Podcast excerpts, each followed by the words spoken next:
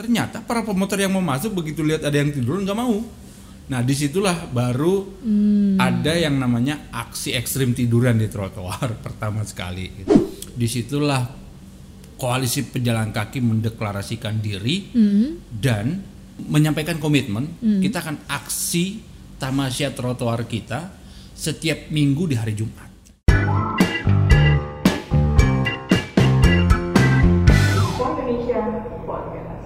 Halo semuanya, kembali lagi bersama gue Aprilia Rahapit dalam Warna Indonesia Podcast. Kali ini Warna Indonesia kehadiran dari sosok pendiri Koalisi Pejalan Kaki, Pak Alfred Sitorus ya? Ya. Ya, luar biasa.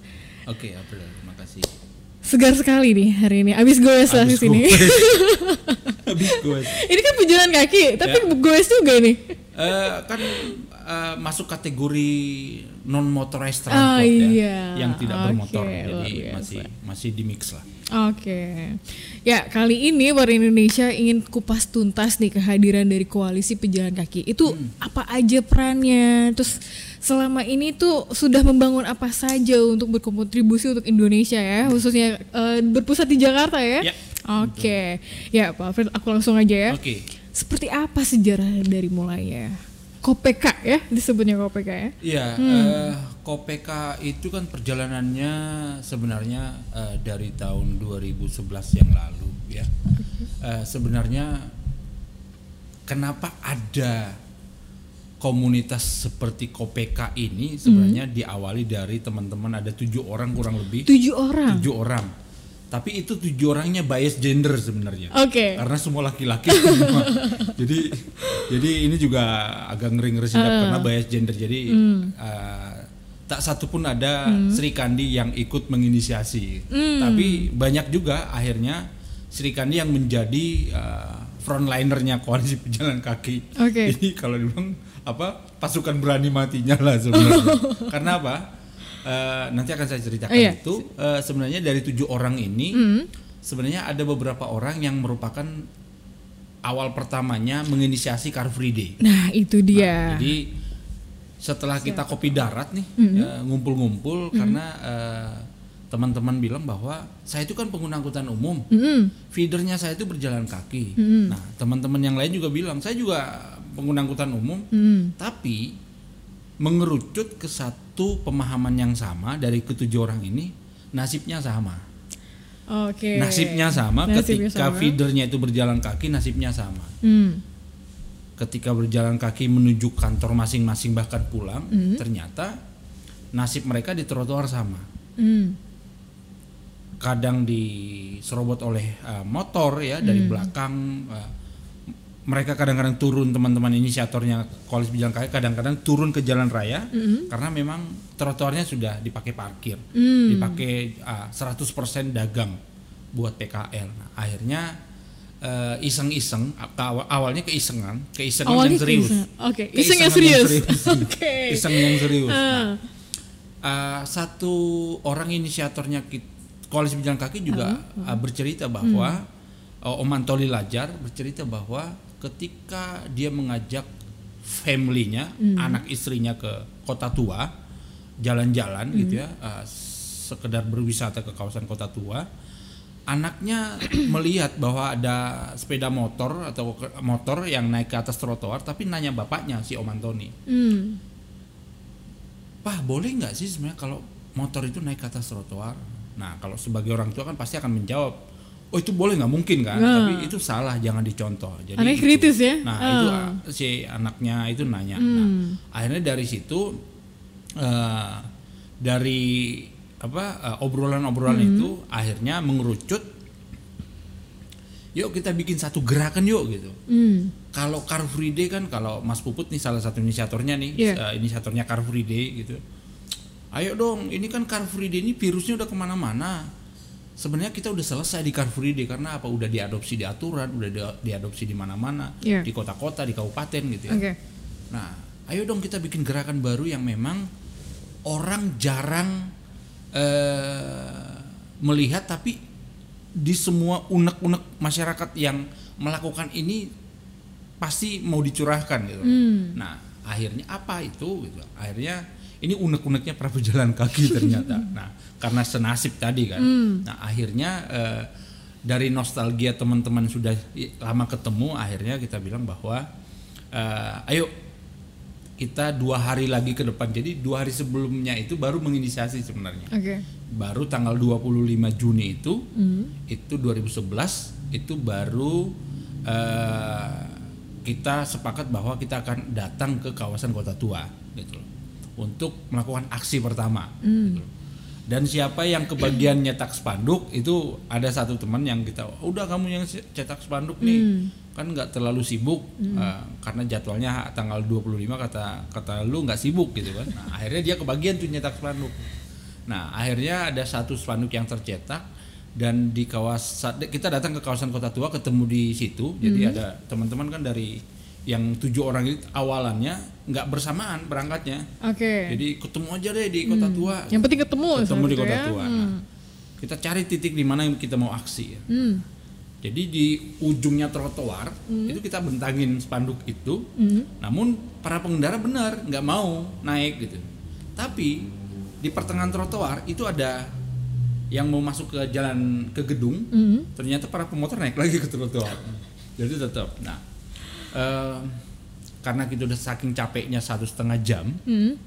bilang bahwa eh, ini nggak bisa lagi nih nanti di tengah-tengah kita halau di depan masuk lagi. Nah akhirnya Om Antoni bilang bahwa gini deh sebenarnya dibecandain Om Antoninya. Hmm. Panto kurus eh, Sugi kurus Om Deddy kurus Om Antoni badannya jadi Om Antoni gimana kalau tiduran di trotoar? Gitu kalau yang nanti ada pemotor pun ngangkatnya juga susah. Kalau saking berat gitu. Tapi itu jadi serius. beneran. Luar biasa. akhir awalnya bukan tiduran. Duduk. Duduk. duduk Oh, gitu ya. Iya. kayak kayak duduk gitu tapi kaki ke depan. Nah akhirnya masih ada juga yang masih bandel. Lewat belakangnya. Ya ampun. Akhirnya- Oke. om ayo tiduran. Akhirnya dikasih apa apa tiduran baru.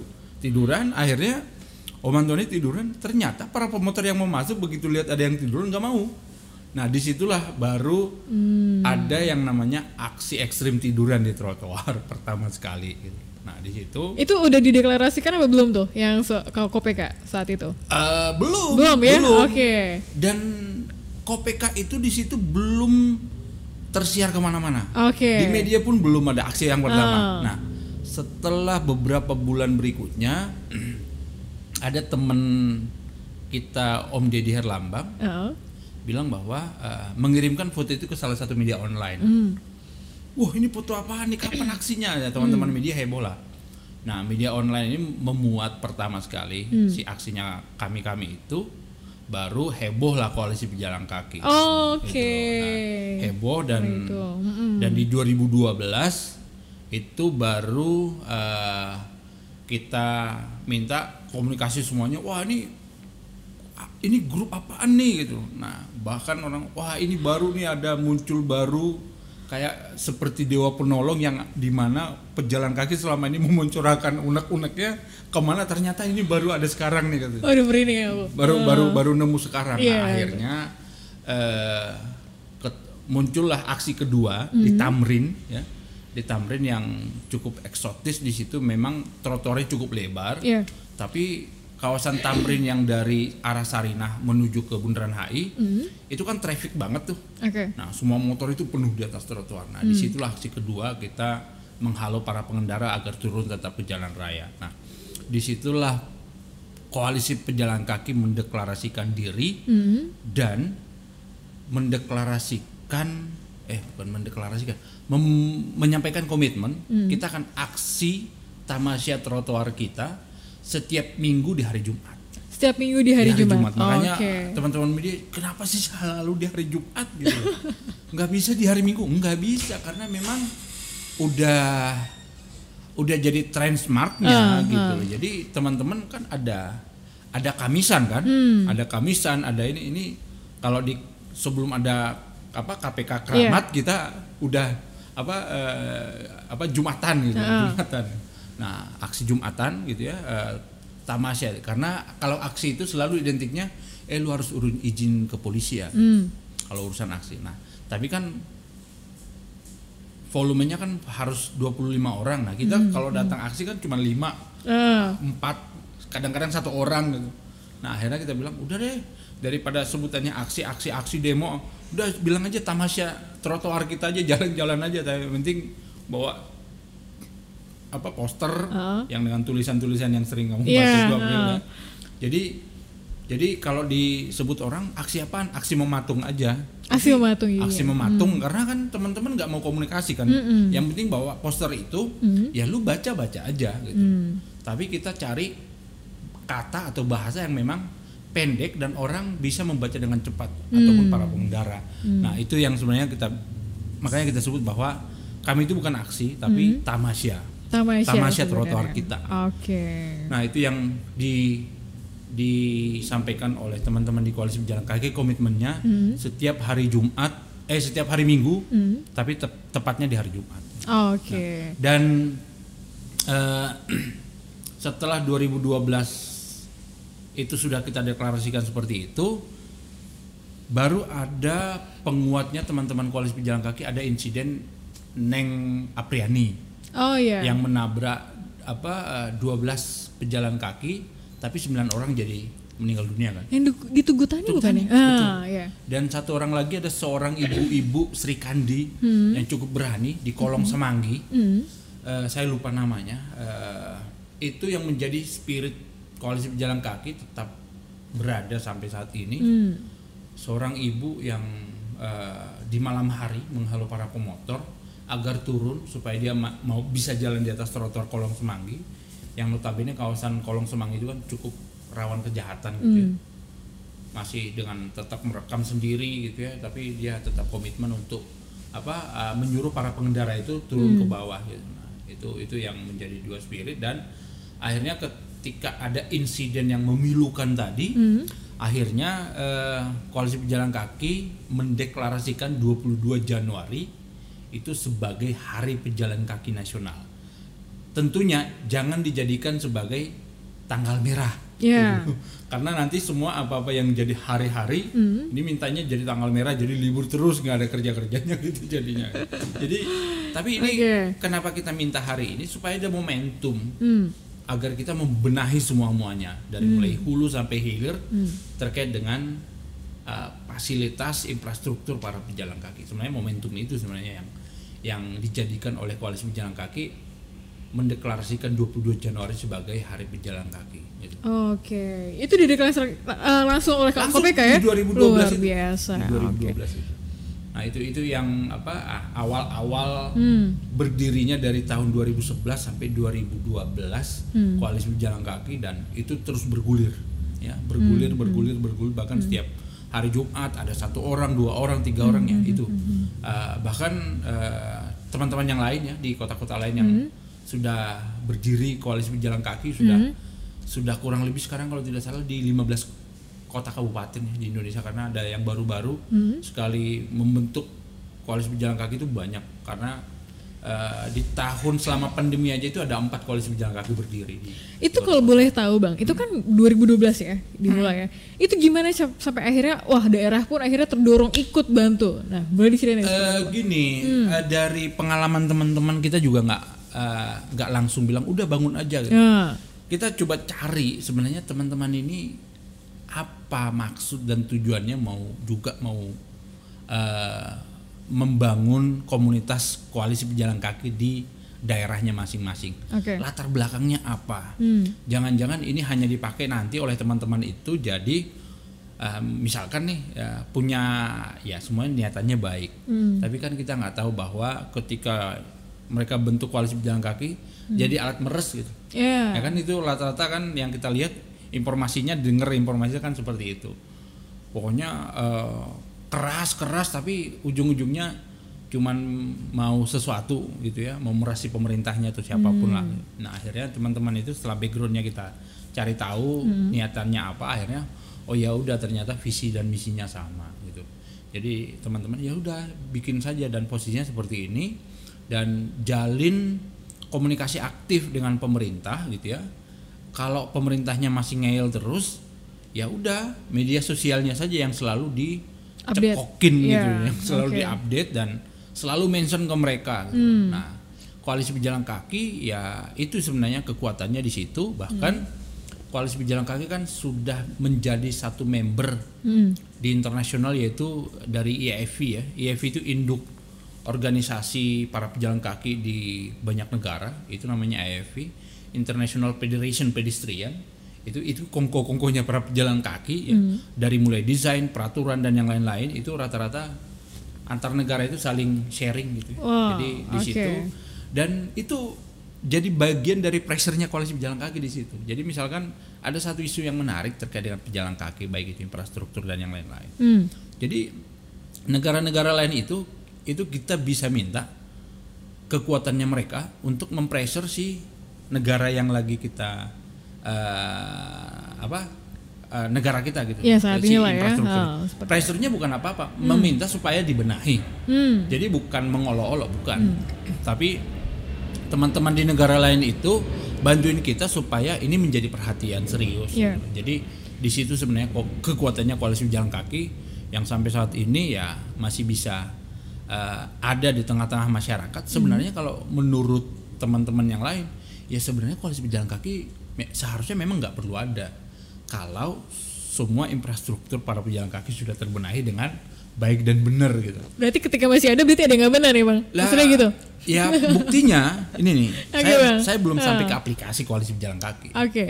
Buktinya kan kalau kita melihat pengaduan publik itu Ah. ke koalisi pejalan kaki yang notabene komunitas, itu teman-teman admin itu udah kewalahan. Hmm. Kewalahan karena apa? Di aplikasi saja per hari itu kita bisa sampai 250 sampai 300 pengaduan sehari. Dalam Sebelum sehari pandemi ya. Wow. Sebelum pandemi. Kalau pandemi ini kan paling 50 Iya karena kan orang-orang pada di rumah udah ya. di rumah Heeh. jadi jarang jepret-jepret Iya. apa pakai handphonenya buat pada saat jalan oh ini ada lubang ini ada guiding blocknya ini Hmm. ada macam-macam lah nah sebelum pandemi itu sampai 300 pengaduan itu baru satu aplikasi belum media sosialnya lewat Facebook Twitter lewat Instagram ya Hmm. yang mengadu lewat foto lewat macam-macam Hmm. lewat video makanya selalu eh, apa postingannya koalisi pejalan kaki itu itu tetap jadi dinamis gitu ya apa jadi heboh ya bukan karena apa seharusnya eh saya jadi ini ya kalau jadi gini saya harus mencari satu kalimat yang pas Oke. agar saya nggak kena delik nih kan apa dikit-dikit salah ngomong kena delik gitu jadi gini Ah. ketika publiknya itu masih ada trust ke pemerintahnya ya, Iya. otomatis publiknya itu tidak akan mengadu ke tempat lain selain ke pemerintah Betul. Oke. Nah, inilah yang terjadi ketika teman-teman adminnya koalisi pejalan kaki mengamati ketika sampai saat ini dari dari semua kota-kota besar itu masih banyak yang mengadu ke koalisi pejalan kaki. Kenapa? Berarti ada bukan trust yang hilang ya. Hmm. Ada trust atau kepercayaan yang sudah mulai tergerus. Karena apa? Mungkin publiknya akan apatis ketika pengaduannya tidak ditindaklanjuti. Oke. Karena tidak dilanjuti ya. Tidak ditindaklanjuti. Ah, oke. Akhirnya mengadunya lewat koalisi pejalan kaki berharap si publik yang mengadu ini informasi yang dia sampaikan, yang dia adukan Yang dia inginkan. Hmm. itu bisa tersampaikan ke pemerintahnya Ya. dan pemerintahnya itu mendapatkan respon gitu loh. Nah, kan selama ini kan eh, yang kita lihat bahwa eh, banyak kota-kota yang kita sampaikan aduhan si si masyarakatnya gitu karena eh, dari berbagai macam kota kabupaten kita juga terima itu kita sampaikan memang dicuekin gitu bahkan tidak ditanggapi sama sekali nah di situlah sebenarnya kebutuhnya pressure publik tadi agar si aduan si publik di satu daerah ini itu di pressure sama-sama agar mendapatkan jawaban minimal jawaban. Kalau nanti ke bicara ke fisik dan yang lain-lain infrastruktur oke lah kita masih tahap diskusi paling tidak si publiknya dijawab dulu lah kan apa good governance itu kan di situ ya Oke. menjawab publiknya dulu ketika ada keluhan atau apa pun. Nah, di situ yang kita harapkan ketika ada satu komunikasi yang terbangun antara pemerintah dan masyarakatnya, eh, jangan lagi ke komunitas seperti koalisi pejalan kaki seakan-akan ini lembaga negara gitu ya, yang tiap hari menerima aduan aja aduan seperti Komnas gitu ya, Iya. menerima aduan terus Iya. begitu menerima aduan kan teman-teman pasti nanya ke kami kan Iya. Aduan saya gimana gitu akhirnya eh, setiap ini menarik Oke. setiap teman-teman mahasiswa atau mahasiswi yang ingin skripsinya eh, terkait dengan pejalan kaki kita kasih beban ke dia mencari 5 atau 10 kota kabupaten media sosial resminya si daerah-daerah itu Oke. Dia apa itu, Bang? Nanti eh, misalkan dinas PU-nya, Ah. apa dinas perhubungannya, wali kota atau bupatinya, wakil bupatinya, kita collecting. Oke. Jadi pada saat ada warganya yang mengadu, Hmm. kita teman-teman admin langsung cepat mention. Oke. Karena kami kan nggak punya kerjasama dengan pemerintahnya kan, Jadi mentionnya lewat media sosial. media sosial aja, Oke. gitu loh. Diresponnya gimana, Bang? Ya itu eh, ketika kita mention Heeh. masih kurang greget gitu ya, Ah. ya akhirnya ada bahasa dan kata yang kontroversi yang kita sisipkan di satu postingan-postingan yang kami sampaikan ke publik gitu. Hmm. Wah ini makanya, tapi kami nggak punya tendensi politik. Nah, iya. Bahkan koalisi pejalan kaki itu kalau akhir-akhir kemarin itu, Ah. itu labelnya banyak banget lah. Dari mulai label cebong, label kampret, pokoknya labelnya macam-macam ya. Jadi kita posting ini, oh nggak suka nih dengan si pemimpin ini. Ya Kita posting ini, ampun. jadi- itu tantangannya. Itu, itu tantangannya. Jadi pokoknya kita Oh, sudah ya, kita udah nelan semua label Iya, yang iya, dikasih iya. gitu. Bahkan Padahal sebenarnya untuk kepentingan rakyat ya, ya, itu sebenarnya. Iya, publiknya kan. publik. Ah, Nah, ah, ah. tuh lihat tuh udah direspon sama ini kan buktinya direspon juga. Nah, akhirnya ya pokoknya label apa pun yang dari mulai label kebun binatang sampai Hmm. label yang nggak jelas itu kita udah udah terima. Tapi kan eh, banyak juga yang membantah itu tapi publiknya yang membantah yang memang sudah ikutin koalisi pejalan kaki jauh gitu ya. Iya.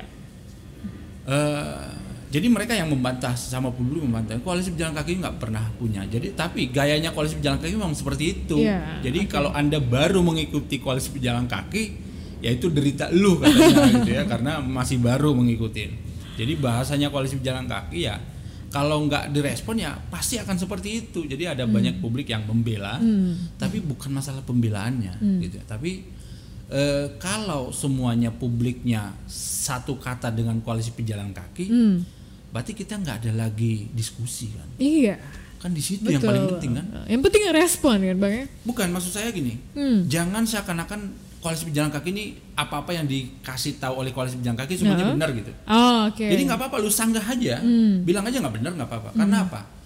Eh, ini satu contoh. Hmm. Ketika satu postingannya koalisi pejalan kaki itu banyak yang bilang adminnya cuek apa? Karena apa? Kita em, mau memilah-milah. Hmm. Ini komunikasi diskusinya si publik itu yang kadang-kadang sampai satu postingan itu bisa sampai 10.000 ribu apa ah, alur apa komen gitu Oke. ya. Jadi menarik kalau kita lihat bahwa si publiknya ternyata aktif, Hmm. saling nimpalin jawaban, tapi tapi yang paling kejam itu memang banyak yang komunikasi tapi larinya ke politik gitu. Jadi teman-teman admin kadang-kadang udah udah Tapi menurut abang itu sudah menjadi respon yang dibutuhkan nggak kalau hanya sekedar oke kubu ya kubu mereka yang mem- eh, membela pemerintah gitu apa gimana kira-kira? enggak gini, apa sebenarnya kan ketika mereka responnya itu maupun positif apa negatif, Heeh. nah kan sebenarnya ada satu aware kan Hmm. dari mereka kan. Hmm. Daripada kita posting terus dicuekin, ya, Hmm. ya berarti nggak ada masalah kan. Hmm. Padahal ini yang kita posting ini masalah sebenarnya. Hmm. gitu.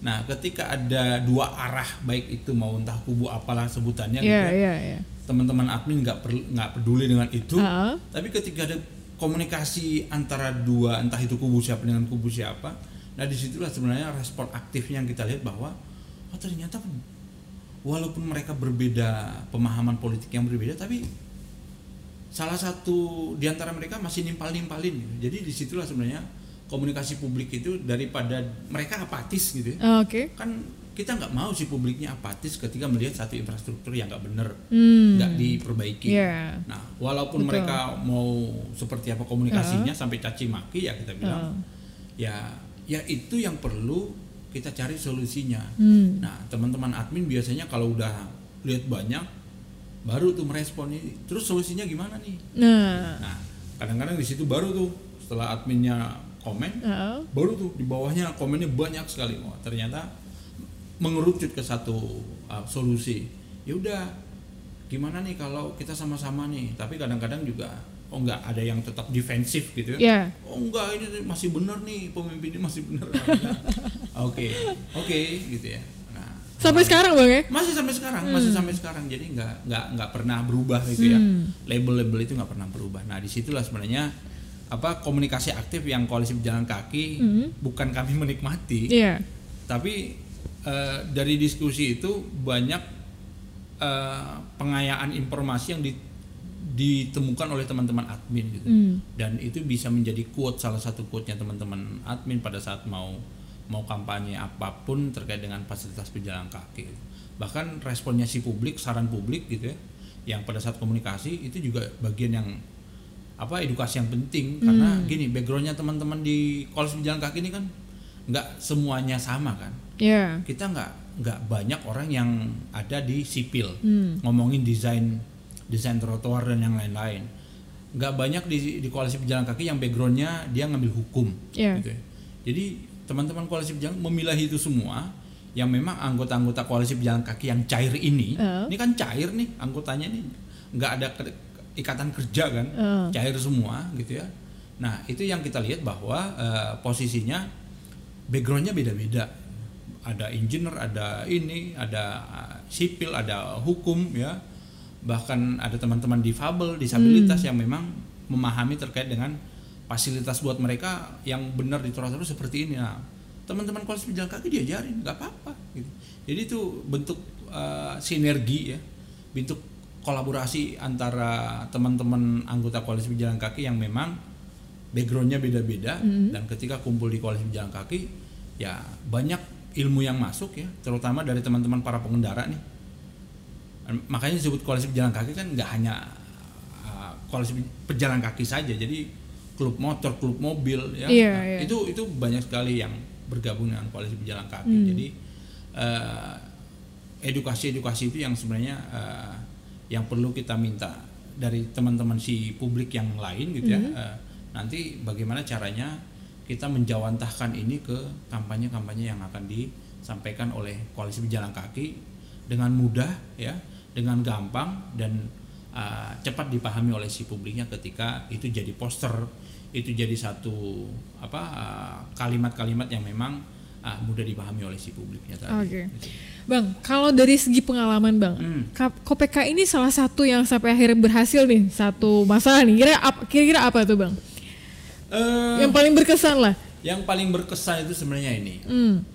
apa eh, bukan karena kita datangin satu tempat itu terus tahun berikutnya langsung dibangun bukan di Ah, situ sebenarnya oke. tapi bagaimana teman-teman koalisi pejalan kaki itu bisa mengubah kebijakan Mengubah kebijakan. Eh, bukan mengubah apa mengintervensi Uh-uh. agar bisa eh, mengubah dan menerbitkan sebuah kebijakan Hmm, itu oke. di zamannya Pak Jarot. Jadi ketika teman-teman koalisi pejalan kaki eh, melakukan apa tamasya trotoar kita gitu, Heeh. kan dulu sampai ada yang namanya bulan tertib trotoar itu peraturan gubernur. Oh, oke. Kan sempat tuh. Heeh. Cuman orang bilang masa cuma sebulan? Enggak, ini sebutannya aja. Ya. Bahkan kalau dibilang apa setahun tertib trotoar kan itu sebutan saja kan. Hmm. Dan itu wali kota, kepala Polres ya, Kapolda menanggapi dengan positif ya bahwa oke kita akan backup gitu pada saat ada penertiban di trotoar dan yang lain-lain di bulan tertib trotoar gitu. Nah, hal-hal seperti itu. Jadi eh, dulu pas zamannya Pak Ahok kita challenge kan, gitu. Hmm. ah pemimpin sekarang nggak ada tuh yang respect terkait dengan apa eh, dari Pak Jok dari mulai Pak Jokowi. Oke, oke. dari mulai Pak Jokowi akhirnya direspon di zamannya Pak Ahok akhirnya muncullah yang namanya setelah kita challenge habis-habisan Di gitu challenge tuh maksudnya lewat apa? Sosmed bukan atau lewat apa? sosmed lewat apa ketemu Ketemu langsung ketemu di diskusi kan Oh, di diskusi. seminar atau Oke, apa gitu. gimana coba kak apa eh, mau melihat trotoar Jakarta ibu kota ya seperti ini akhirnya Wah, oke. begitu kita challenge gitu Ya. akhirnya muncullah yang namanya eh, target DKI Jakarta membangun trotoar yang 2.600 km. Wah, luar- oh iya ya. Nah, akhirnya kan kita bilang bahwa ini bisa kita jadikan sebagai rencana induk. Oke. Kan rencana induk itu itu dijawantahkan dengan aturan kan. Hmm. Jadi maksud saya gini, ini kan target 2.600, Hmm. nggak mungkin dalam setahun lu bangun 2.600. Hmm. Kalau mau pakai anggarannya DKI Jakarta yang 80 triliun bangun trotoar, terus nanti ASN-nya mau digaji pakai apa? Oh, gitu. iya. Jadi nggak seperti itu. Ah, Jadi ketika mereka sudah deklarasi, declare mereka punya target 2.600, hmm. udah berarti udah gayung bersambut kan. Ya. Nah akhirnya kita bilang oke kita akan mintakan agar ini menjadi rencana induk revitalisasi trotoar di Jakarta. Hmm. Akhirnya eh, DKI Jakarta dengan komitmen itu eh, yang keduanya kita tagih per tahunnya berapa kilometer nih, Hmm. lu sanggup bangun trotoar. Nah Hmm. dengan anggaran sekian anggaran sekian hanya bisa 100 km paling tidak ada ada perubahannya ya Hmm. walaupun ya 100 km per tahun pun sebenarnya udah udah udah lebih dari ini ya kalau memang bisa 200 km nggak masalah gitu ya tapi kan kekuatan anggarannya juga perlu kita lihat jangan sampai nanti uh, pos yang lain yang mau dikerjakan yang lain itu akhirnya terlunta-lunta akibat Yeah. trotoar aja Ah. Nah, ini yang sebenarnya target seperti ini. Jadi siapa pun nanti gubernurnya, jadi target ini jangan sampai dilupain. gitu. Di situ poinnya. Misalkan nih, Pak Ahok bilang bahwa eh, kami punya target 2.600 membangun trotoar. Hmm. Nah, sekarang kan Pak Anies masih ngomong itu. kan? Iya. Dia masih ngomong Masih, itu. Jadi ah. nanti kalau Pak Anies sudah selesai, kita berharap si gubernur yang berikutnya masih Selanjutnya, ngomong. Kami punya target. gitu. Jadi target ini yang menjadi acuannya. Hmm. Jangan lagi nanti kalau dia bilang target kami mau membangun 3000, ah alhamdulillah. Hmm. Masih ditambahin pasti targetnya Hmm, gitu. hmm. Nah, paling tidak targetnya itu yang 2600 ini jangan lagi dikurangin. Misalkan, waduh Kak, target itu terlalu muluk-muluk, udah 1000 aja deh, 1000 Hmm. kilometer aja deh gitu. Nah, maksud saya siapa pun nanti menjadi pemimpin ibu kota ini gitu ya, eh, pemimpin Jakarta, Hmm. itu masih bisa melihat target ini ini yang di follow gitu. Bang, Nah. ini kan soal target ya. Dari pencapaiannya sendiri sampai sekarang gimana? Menurut abang udah oke semua? Bagaimana? Eh, sebenarnya gini, hmm. dari 2016 itu mereka cukup apa menanjak ya. Ya.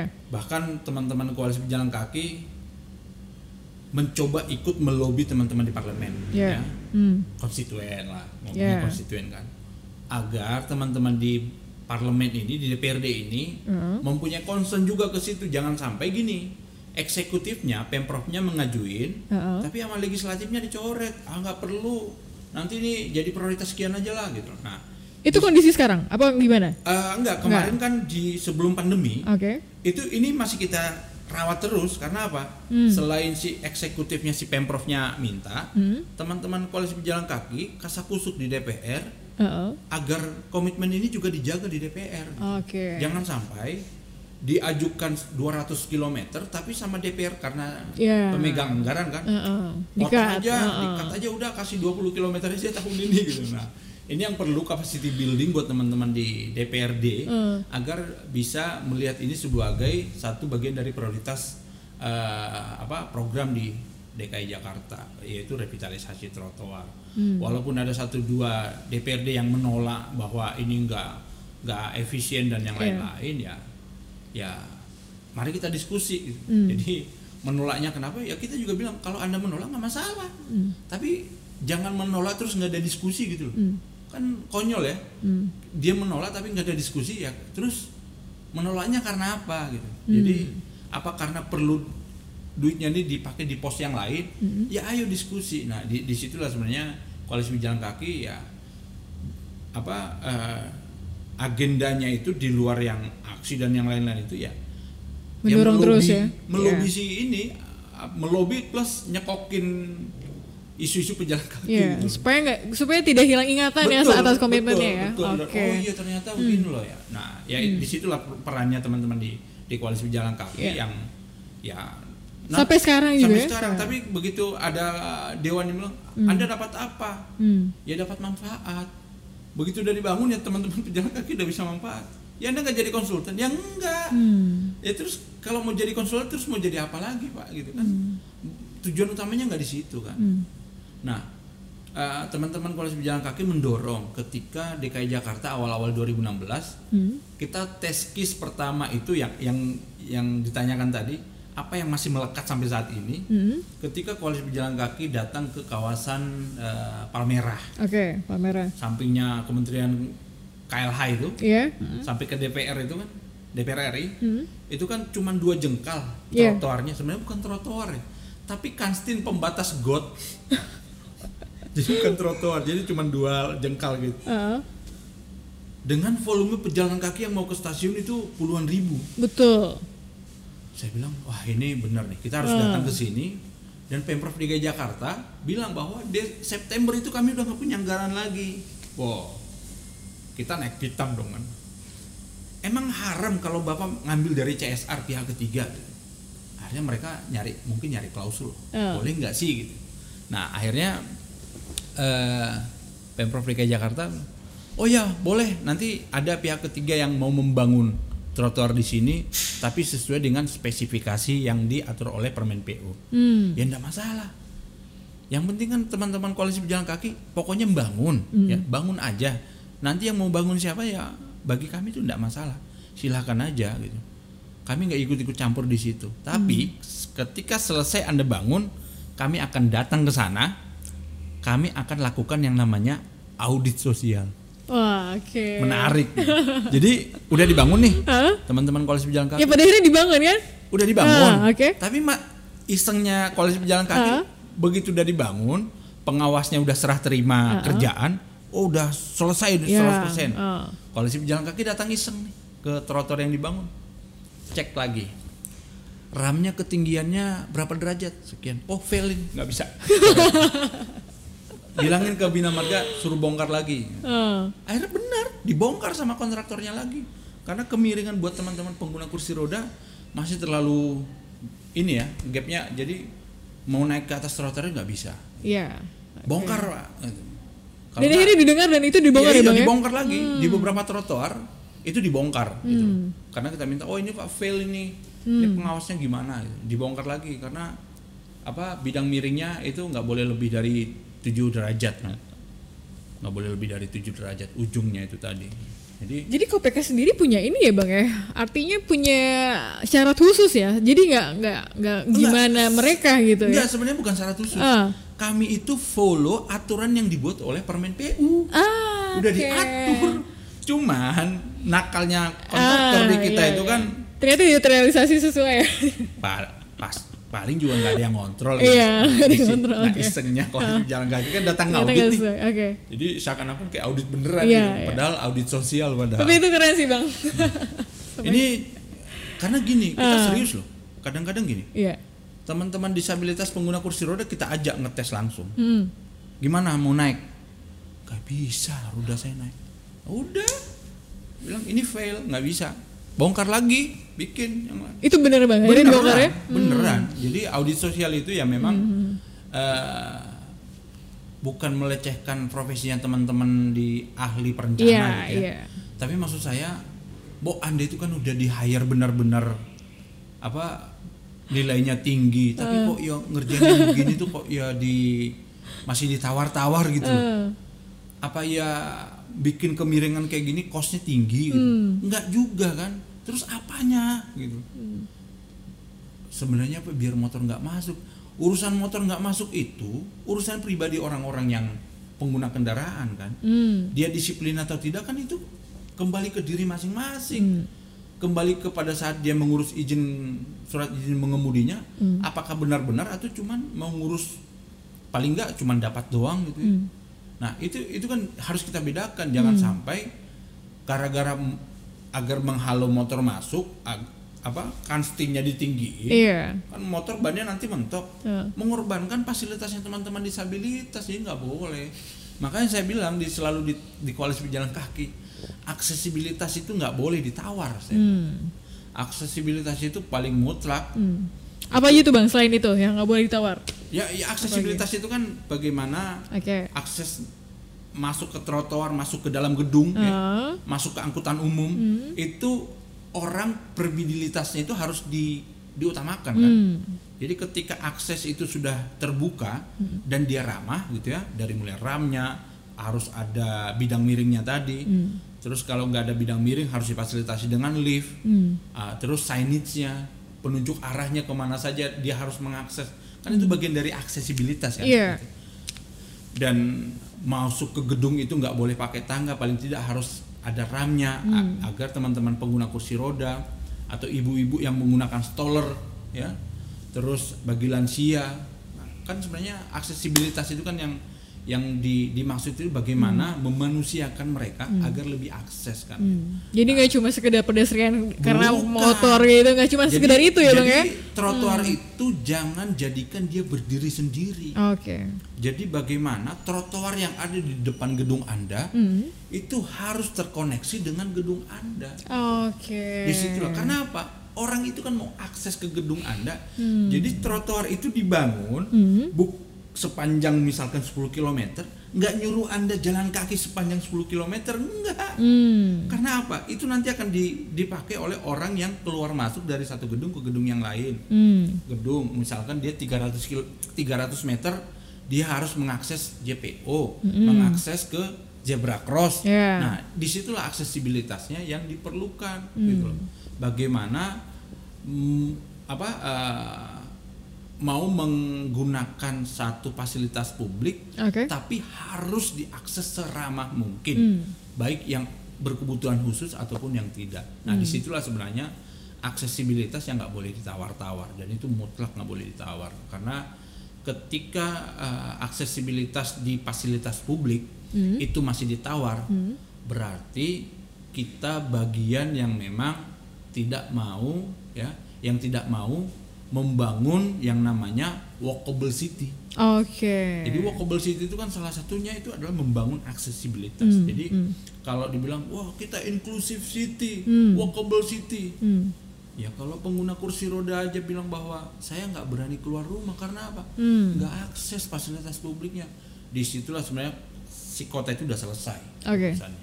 Jadi jangan anda kampanye walkable city, inclusive city ketika teman-teman disabilitas Hmm. itu hanya dia dirumahkan saja. Hmm. Jadi mereka bukan mereka nggak mau di- dibantu oleh orang dengan empati, tapi biarkan mereka dulu mandiri Hmm. mengakses apa pun yang sama yang sama seperti kita apa yang kita mau akses. Pak, mau pakai bis, oke, saya bisa naik bis. Dia bisa nggak? Ya. Gimana caranya dia mau naik bis? Hmm. Berarti kita harus bangun ram, bangun ini, bangun guiding block, Ya. bikin guiding block agar dia bisa sampai ke bis. Hmm. Kita harus bangun fasilitasnya mereka agar bisa sampai ke MRT, Hmm. ke LRT, ke Transjakarta, Hmm. ya, ke terminal kalau dia mau keluar kota, Hmm. ya. Jadi itu harus dibangun dan itulah. Jadi yang- semua punya hak ya. Ya, Jadi semua. semua juga Jadi layak untuk menikmatinya. semua. Ah, Jadi- Oke. Jadi ketika bicara kita mendapat penghargaan Ya. segambreng, Ah. ya, kita harus juga flashback. Ya. Sebenarnya yang kita bangun itu sebenarnya udah benar belum sih untuk akses untuk semua orang? Ya. Kesetaraan akses itu yang penting. Jadi kadang-kadang kita bicara, oh kita dapat eh, penghargaan Sustainable Transport Award, tapi bagaimana kesetaraan akses itu udah kita penuhi Iya. belum? Kalau belum, berarti kita masih raportnya masih raport merah. gitu. Hmm. Tapi kalau dia mempunyai progres membangun apa pun, kita apresiasi, Hmm. gitu.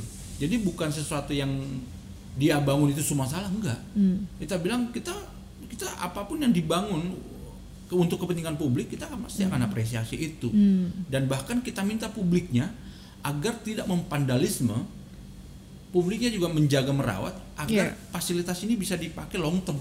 Ya. Jangan sampai fasilitas publiknya udah dibangun terus kita rusak ya Ah. cuman berapa tahun kan habis itu udah selesai nah di situlah sebenarnya eh, koalisi pejalan kaki ya hadir sampai saat ini bahkan di dari mulai awalnya di Jakarta Ah. bahkan sampai ke 15 kota kabupaten di Indonesia dan dan gayanya teman-teman di daerah-daerah kita bebasin seperti apa gayanya jadi kita oh lu harus begini enggak Ya. bagaimana mereka punya sikap masing-masing melihat kota kabupatennya Hmm.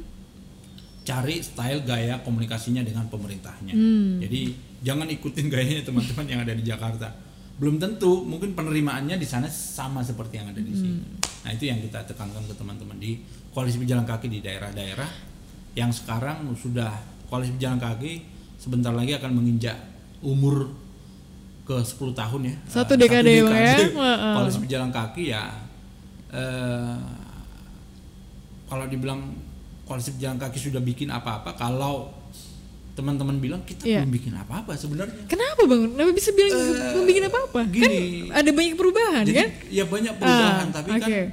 eh, nggak bikin apa-apa karena gini apa kita jangan jumawa itu. Oke, jangan Jumawa, itu jumawa. kan jumawa Oke. itu kan seakan-akan hanya kita berkontribusi di situ gitu. Hmm, hmm. Jadi biarlah orang yang eh, mengingat sejarahnya ketika oh dulu ada koalisi pejalan kaki. Hmm. Jadi kalau saya mengklaim sesuatu yang memang oh itu kontribusinya koalisi pejalan kaki, ya sama aja saya menilai diri sendiri kan. Heeh. Bahkan koalisi pejalan kaki menilai diri sendirinya sudah melakukan apa-apa. Hmm. Jadi ya teman-teman bilang ya saya bilang kita belum melakukan apa-apa karena yang menilai itu bukan diri sendiri. Hmm. Teman-teman publik yang menilai bahwa seperti apa sepak terjangnya koalisi pejalan kaki, Hmm. seanarkis apa koalisi pejalan kaki di jalanan. karena banyak yang mengatakan oh, ini anarkis nih orang ini ini Emang lu sering banget bang dapet pesan kayak gitu? Ya, wah ini apa Kok bisa bang? ya mungkin Bukan itu tugas mulia. Bukan aku- anarkis dalam artian mereka melihatnya itu ini ini gro- gerombolannya orang-orang gila gitu. Oh, Oke, Orang-orang ya gila yang nekat bang. Bukan bukan Apa? nekat ya. Rombongannya orang-orang mereka teman-teman ini udah tahu Heeh, kami-kami dari dulu. heeh, Tapi ketika saat ini posisinya seperti ini, heeh. ini orang-orang gila yang nggak bisa ditawar-tawar. Ah. Kalau dia bilang ah ya sudah berarti Karena komitmennya kuat bang. lah Nah, ya di situ makanya saya, iya. saya menekankan itu ke teman-teman yang ada di daerah. Jangan sampai ini sebagai alat gebu Ah, tapi hilang gitu aja gitu bukan ya? hilang Apa? tapi alat untuk memeras gitu. Ah iya. Eh koalisi pejalan kaki bukan itu Iya. posisinya. Tapi Emang udah ada yang pernah ditemukan seperti itu bang? eh, bukan. Nggak ya? Jadi Tapi kita, menghindari ya? Kita membentengi teman-teman Iya. itu. Oke. Tapi kalau nanti dijadiin jadi narasumber atau apa pun ya Heeh. monggo monggo saja. Iya. Tapi kalau mau jadi konsultan anda sebagai orang planner atau apa pun ya pakai pribadi anda, jangan Oke. pakai koalisi pejalan kakinya. Itulah yang Hmm. ya, kita tekankan di teman-teman. Bang, dari KPK sendiri nih, kan ini kan tugas mulia ya bang ya. Gak Hmm. semua orang tuh apa ya mau senekat, bukan senekat ya, sekuat ini gitu loh komitmennya hingga satu dekade. Hmm. Ya. Kira-kira apa nih dalam satu dekade ini eh, merasa jadi hutang gitu loh kepada publik yang, duh gue pengen banget nih gitu untuk eh, menyelesaikan ini. Kira-kira apa sih satu hal itu boleh bang diceritain? Kalau utang apa yang belum diselesaikan yang jadi, sebenarnya eh, eh, gitu. gini, Apa bang? utangnya itu koalisi pejalan kaki dalam satu dekade utangnya masih banyak banget. Oke. Yang pertama adalah utang pengaduan publik yang melalui koalisi pejalan kaki itu rimbanya nggak tahu ke mana itu utang yang sangat sulit dijawab sih sebenarnya. Misalkan gini, Eh, publik mengadu ke koalisi pejalan kaki, Uh-uh. pemerintahnya merespon, ada yang dicuekin, ada yang direspon, ada yang dipas respon, ada yang direspon cepat gitu. Tapi kan ketika publik ini melihat bahwa wah ternyata koalisi pejalan kaki juga nggak nggak nggak seperti yang ada di media sosial heboh dan yang lain-lain. Oke. Ketika mereka mengadu terus langsung direspon. Uh. Tapi inilah sebenarnya yang perlu kita uh, bangun kekuatan yang cukup punya energi banyak Uh. agar setiap keluhan publik itu terkait dengan fasilitas umum, Hmm. fasilitas publik itu agar pemerintahnya langsung bisa merespon dengan cepat, paling tidak menjawab. gitu. Oke. Jadi urusan nanti anggaran tidak ada dan yang lain-lain Belakangan. itu kita bisa komunikasikan dengan itu ya. Oh. Kita kita coba misalkan gini, kalau pakai pendanaan seperti ini bisa nggak sih kayak kemarin koalisi pejalan kaki menyarankan pakai pendanaan pihak ketiga Heeh. haram nggak bagi CSR itu ya, bagi Bang, ya? CSR. Hmm. Nah, eh, sama halnya dengan membangun trotoar Sudirman Tamrin, Hmm. itu kan pakai dana dosa kan? Tahu nggak dana dosanya dari mana? Apa tuh? Bang? Itu kan pakai kalau kalau saya pribadi bilang itu pakai dana haram sebenarnya gitu. Jadi gini, Wah, menarik bang. ini kan eh, membangun simpang cincin semanggi, Ya. itu kan pakai dana KLB. Oke. KLB itu kan eh, koefisien kelebihan bangunan kan. Mm-mm. Jadi kita bangun gedung yang harusnya 25 lantai tapi kita bangun 30. Nah, sisanya 5 itu kan Lima. jadi dosa kan? Iya. Padahal di aturan kita disuruh bangun 25. Nah, Pemprov DKI Jakarta daripada 5 lantainya gua potong Hmm. gedungnya lima lantai udah lu jadiin denda aja deh kan ibaratnya Oh, oke. cuci dosa kan Ah, jadi itu yang dikumpulin oleh pemprov DKI Jakarta bangunlah yang namanya cincin semanggi ah, masih sisa nih gede nih ah. masih sisa gede tapi pemprov DKI Jakartanya terbentur mau si game mau Asian Game Hmm. ya udah akhirnya yang sekitar 150 miliar Hmm. itu dibangun untuk bangun trotoar yang Sudirman Tamrin jadinya yang dari dana dosa tadi dana Ah, haram tadi ah. saya bilang dana haram ya tapi dicuci ya udah cuci dosanya pakai ini aja bangun trotoarnya biar dipakai Oke. publik gitu. jadi di situ sih sebenarnya kenapa tapi ini bukan serius tapi Iya, saya bilangin iya, bahwa ini dipakai dari dana untuk mencuci dosanya para gedung-gedung yang Ah. sudah kelebihan koefisien Jadi lebih baik dibuat trotoar aja gitu ya, Bang ya. Oh, eh, untuk apa biar lebih bermanfaat dan yang lain-lain nah di situ Hmm. nah eh, ya kalau ditanya ya yang yang paling ya miris Ah, selama 10 apa 10 tahun satu dekadenya koalisi pejalan kaki ah. angka kematian pejalan kaki itu kan sebenarnya masih stagnan di atas 15-an ya 15 nyawa setiap hari Oke, 15 orang per hari ya. Oh ya, di Indonesia loh ya. Di Indonesia. Jadi bukan Jakarta. Oke. Jadi kalau kita lihat data-data yang ada itu kan dari 18. Hmm. Tapi ada penurunan nih. Tapi kan masih bertengger lebih dari di atas 10 kan Hmm. setiap hari. Nyawa pejalan kaki itu melayang setiap hari di Indonesia. Hmm. Jadi ya sebenarnya kita berharap bahwa koalisi pejalan kaki dalam satu dekade ini berharap bahwa ada penanganan yang serius ya dalam edukasi apa berkendara berlalu lintas disiplin dan yang lain-lain bukan sekedar bahwa ini ada apa kampanye-kampanye di di spot by spot gitu ya bahwa Yeah. ayo tertib lalu lintas dan yang lain-lain. Nah, kita berharap law enforcement yang dibangun sekarang lewat digitalisasi apa pakai kamera entah apa pun gitu ya. Kita berharap uh, pelanggaran yang ada di fasilitas pejalan kaki juga bisa dilakukan penindakan etle sama halnya seperti itu kan Hmm. trotoar itu bukan bagian dari penindakan hukum Hmm. yang mau dilakukan oleh kepolisian gitu. jadi kita berharap bahwa ini juga bagian dari penindakan itu agar bisa paling tidak menurunkan risiko ya menurunkan risiko para pejalan kaki yang yang yang tadinya apa di satu kawasan itu cukup tinggi angka kecelakaan bagi pejalan kaki dengan apa eh, eh, edukasi ya dengan penegakan hukum yang tegas bukan represif Oke. itu bisa menjadikan efek jera dan membuat orang eh, bisa melihat bahwa pejalan kaki ya ya memang kita semua pejalan kaki ya. Jadi tidak ada yang bukan pejalan kaki ya. selama dia masih manusia dia masih Iya. tetap pejalan kaki.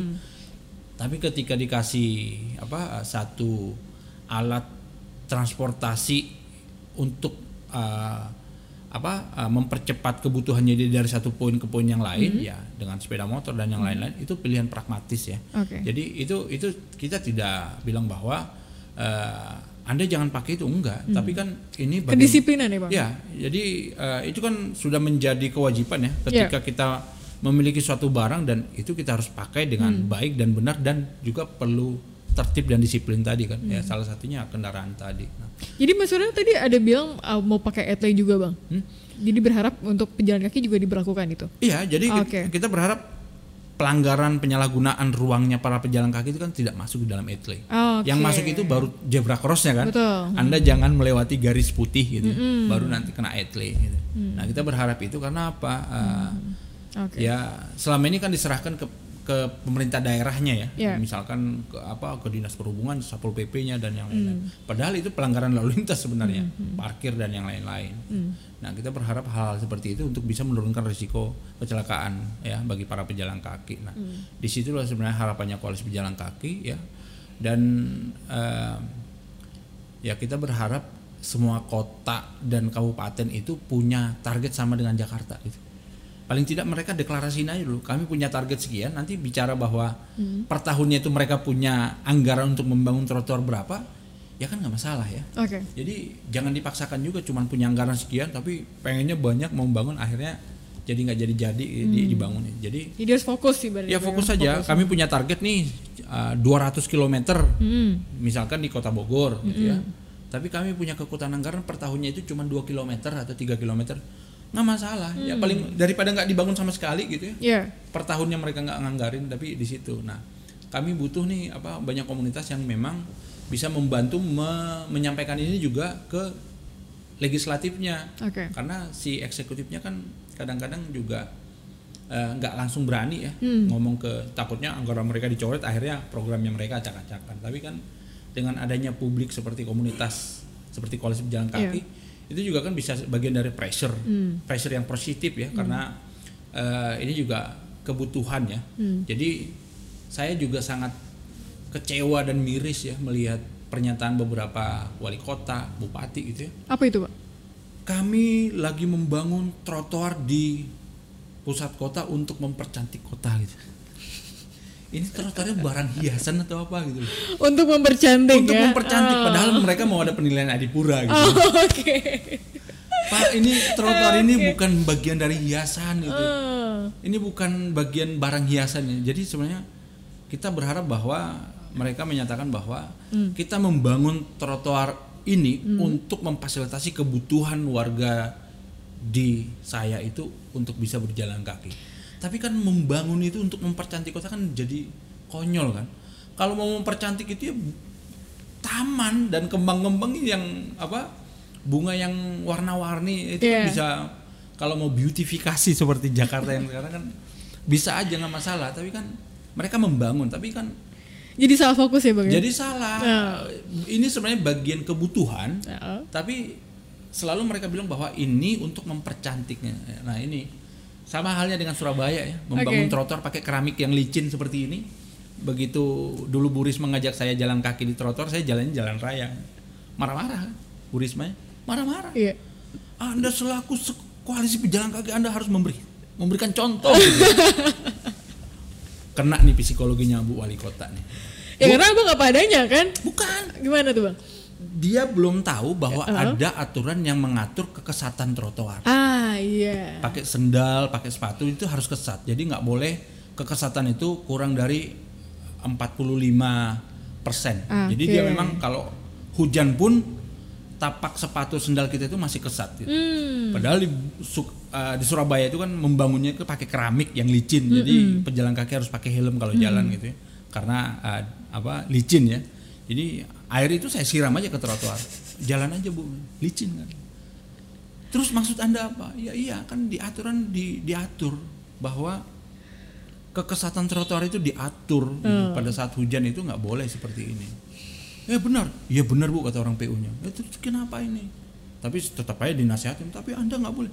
Ya karena merasa ini ya, ya. Maksud saya gini, bagaimana cara saya Oke. mendapat perhatian dari ibu wali Nah, kota ya. agar saya bisa menyampaikan ini. Oke. Saya nggak minta ini jelek, saya nggak bilang ini jelek, Hmm. tapi ada sesuatu yang salah dan saya bingung mau cari cara berkomunikasi ke ibu itu apa? Karena apa? Iya. Sekeliling ibu itu orang pejabat semua, ya saya nggak bisa Hmm. langsung nyodok ngomong ke ibu gitu. Oke. Nah di situ beliau baru ngeh gitu. Hmm. Ini gimana nih penyelesaiannya? Ya, yes, orang teknis, orang pinter di tempat ibu banyak ya. Mereka yang Tapi kok bisa gitu, Bang, kebobolan? Maksudnya kan orang PU apa emang nggak kasih Mungkin kayaknya pada saat eh, itu udah si kontraktornya udah mungkin udah beli ya. Oh. Udah beli jadi daripada harus ini ya saya nggak tahu apakah Ah, di penalti atau seperti ah, apa ah, ah. gitu ya. Ya, tapi hampir semua ruas jalan di di apa di Surabaya itu yang dibangun itu emang Rata-rata licin ya. pakai licin. Oh. Licin. Sama kayak Depok. Akhirnya diganti nggak, Bang? Yang saya yang terakhir-terakhir ini berapa tahun yang lalu itu kita sarankan Heeh. untuk jangan pakai lagi itu kalau Oke. memang pakai mau keramik Oke. tapi dia yang memang konturnya seperti keramik yang ada di toilet itu yang Ah, yang dia nggak terlalu iya, licin gitu. ah, ah, ah, jadi hal-hal seperti itu yang memang kita saranin gitu. Mm-mm. Nah, kalau nggak pakai granit atau apalah yang memang apa ah, batu-batuan ya kayak yang di Sudirman Taman itu kan dia nggak pakai nggak dicor ya Ya. tapi dia pakai batu alam kan Hmm. batuan-batuan jadi itu itu cukup kesat lah kalau dipakai terus menerus apalagi dipakai terus sama pejalan kaki seperti di Jerman kalau tidak salah sudah dari zamannya apa Nazi itu trotoarnya masih dipakai itu Hmm. karena dari batuan kan mengkilap malah kena sepatu sendal terus kan gitu. Sampai sekarang nggak dibongkar-bongkar trotoarnya karena memang apa eh, historinya ada jadi mereka nggak mau Bang, aku penasaran nih bang. Abang kan udah bikin ya, eh, ibaratnya sebagai pengawas ya, ya hadirnya KPK ini. Itu apa sih bang yang membuat abang sendiri sangat-sangat berkomitmen gitu dengan KPK ini gitu? Itu kan apalagi sekarang satu dekade. Apa yang membuat abang sendiri, gue harus tetap ada nih di KPK gitu?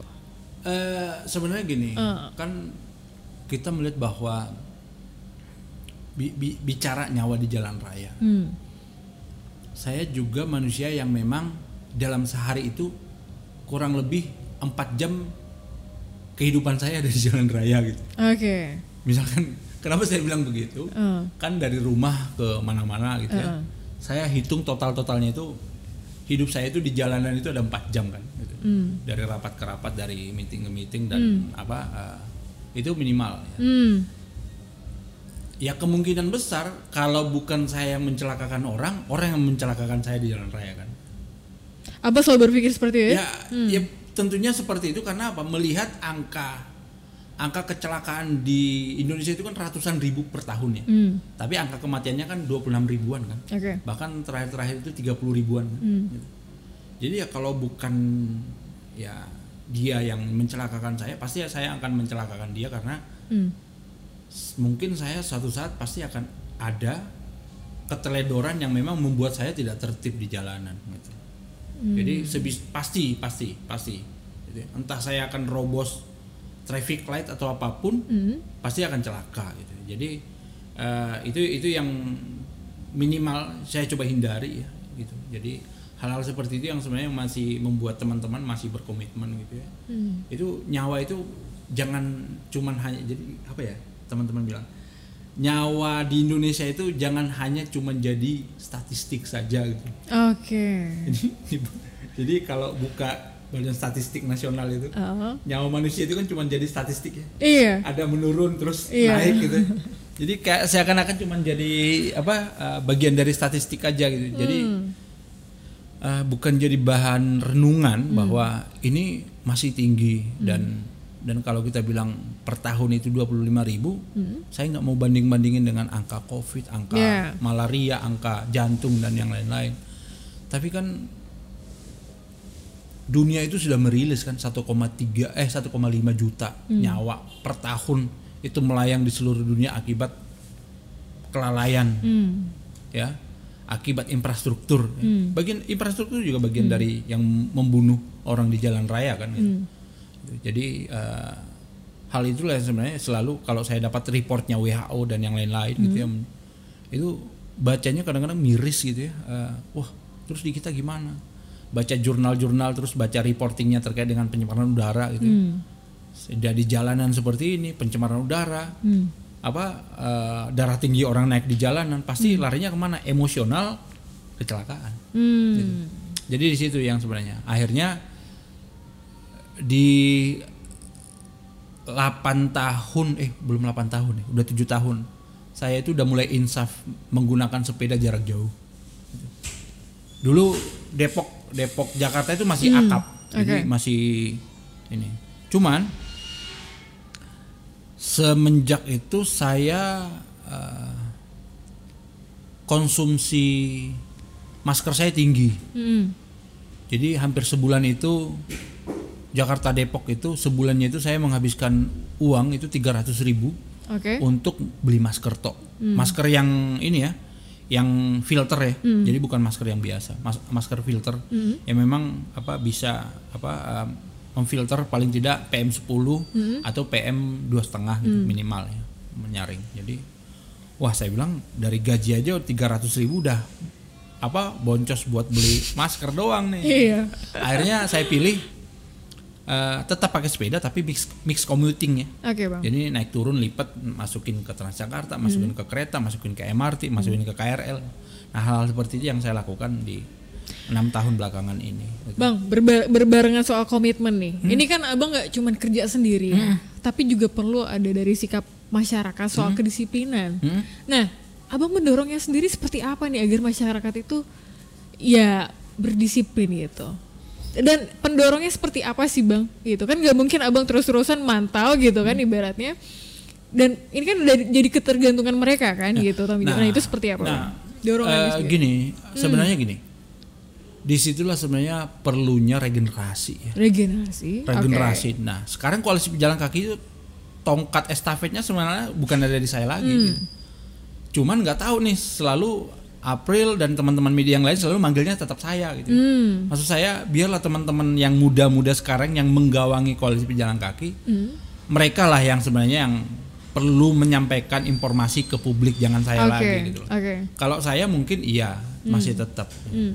Tapi kan punggawa-punggawa yang masih seger ini, Hmm. mereka juga perlu untuk bisa mengasah eh, cara berkomunikasinya ke publik kan. gitu. oke Jadi di situlah sebenarnya kalau teman-teman kemarin apa hari pejalan kaki, Ah. ke siapa nih? Oh Sandi aja, jangan saya gitu. Bukannya saya nggak mau, tapi saya mau membiarkan dia dengan gayanya dia sendiri itu berkomunikasi dengan publiknya. Jangan sampai semuanya terpaku dengan teman-teman yang sudah lama yang sudah bangkotan ibaratnya. Nah di situlah sebenarnya uh, apa uh, apa uh, kemauan dari saya agar regenerasi ini ada dan jangan sampai di hanya lingkungan-lingkungan kecil saja. Jadi kayak kemarin itu ya di teman-teman di daerah ternyata ada di mahasiswa yang menggawangi koalisi pejalan kaki di daerah berarti ini energi yang masih fresh kan ibaratnya. Gitu. betul, jadi daripada orang-orang yang lama gitu yang saya kenal di daerah-daerah wah ini kita ayo dong saya mau bikin ya. Bukan itu tapi apa ilmu-ilmu yang masih fresh yang memang apa memang dia ada backgroundnya di situ saya bilang wah ini bagus nih gitu. paling tidak dia kritisnya tetap dapat tapi dari edukasinya juga dapat penyampaian ke publiknya juga dapat gitu. Nah ini yang sebenarnya yang kita harapkan agar uh, bisa mencari uh, edukasi ke publiknya itu ya menyampaikan edukasi ke publiknya juga uh, itu bisa dengan berbagai macam style gitu. Jadi jangan sampai style saya selalu yang di, yang dibawa untuk untuk cari apa uh, mencari komunikasi apa gaya komunikasi jadi saya. biarkan mereka dengan game mereka Iya, sendiri dengan ya? genre masing-masing Ah, lah. Jangan apa entah itu pakai genrenya punk oke. ya grang ataupun apa apa yang underground sekalipun ya monggo Ah, yang monggo penting komitmennya komitmennya hadir. dan Oke. juga tidak menyalahi kaidah-kaidah aturan Ah, ya oke. jangan jangan sampai berbau sara dan Ah, ah, lain-lain ah, gitu jadi Oke. itu yang saya sampaikan ke teman-teman yang sekarang menggawangi koalisi pejalan kaki Hmm. gitu ya Eh, bahkan jadi narasumber dan yang lain oh enggak kamu aja Hmm, gitu. biar biar dia eh, mengasah menguji coba sebenarnya Hmm. gaya komunikasinya kan deng bukan cuman hanya literasinya kan Hmm. tapi bagaimana gaya komunikasinya ke publik yang lain Hmm.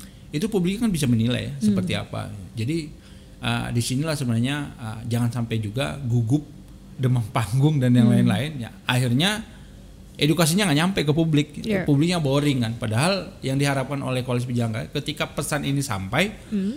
publik yang lain juga bisa meneruskan pesan ini ke publik yang lain kan. Iya, Jadi iya. uh, di situlah sebenarnya uh, harapannya koalisi pejalan kaki Mm-hmm. uh, pesan yang disampaikan oleh koalisi pejalan kaki ini juga bisa tersampaikan berkali-kali lipatnya ke publik yang lain gitu. Bahkan uh, publik yang lain juga bisa mengadop agar terna- tertanamnya sendiri di publik. Publik itu seperti apa bang? Kalau boleh tahu. Iya, agar menjadi ini loh bang. Sense of belonging mereka gitu loh.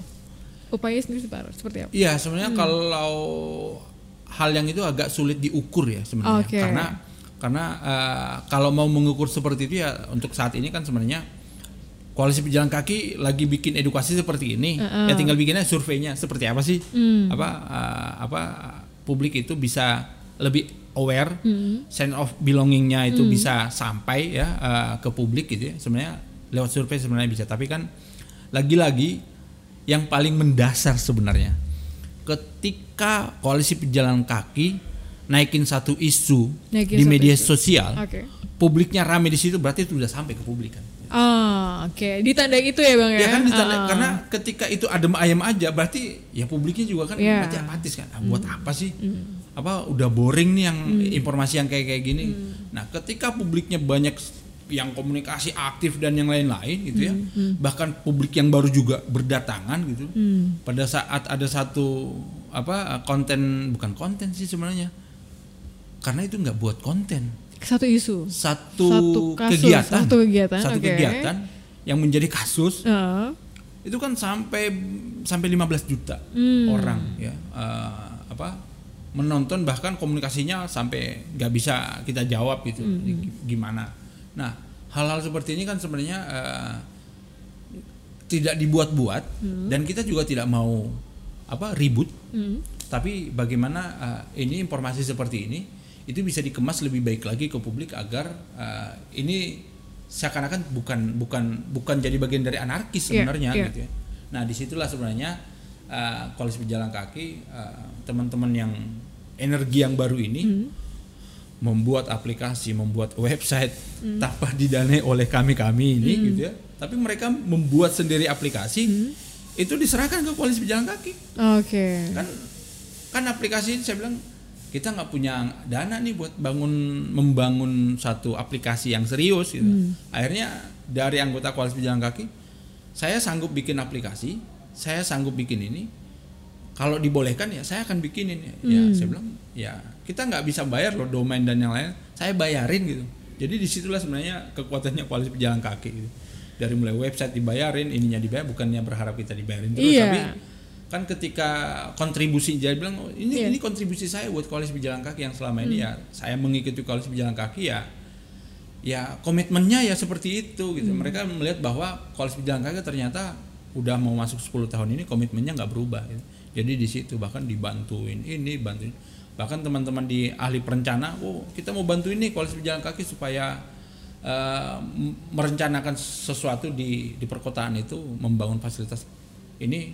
Itu pakai pakai koalisi pejalan kaki aja. Kami bangun desainnya nanti pakai nama koalisi pejalan kaki aja. Sampai segitunya mereka membantu koalisi pejalan kaki. Saya bilang ya ini kan support yang yang selama ini uh, koalisi pejalan kaki nggak pernah membayangkan itu.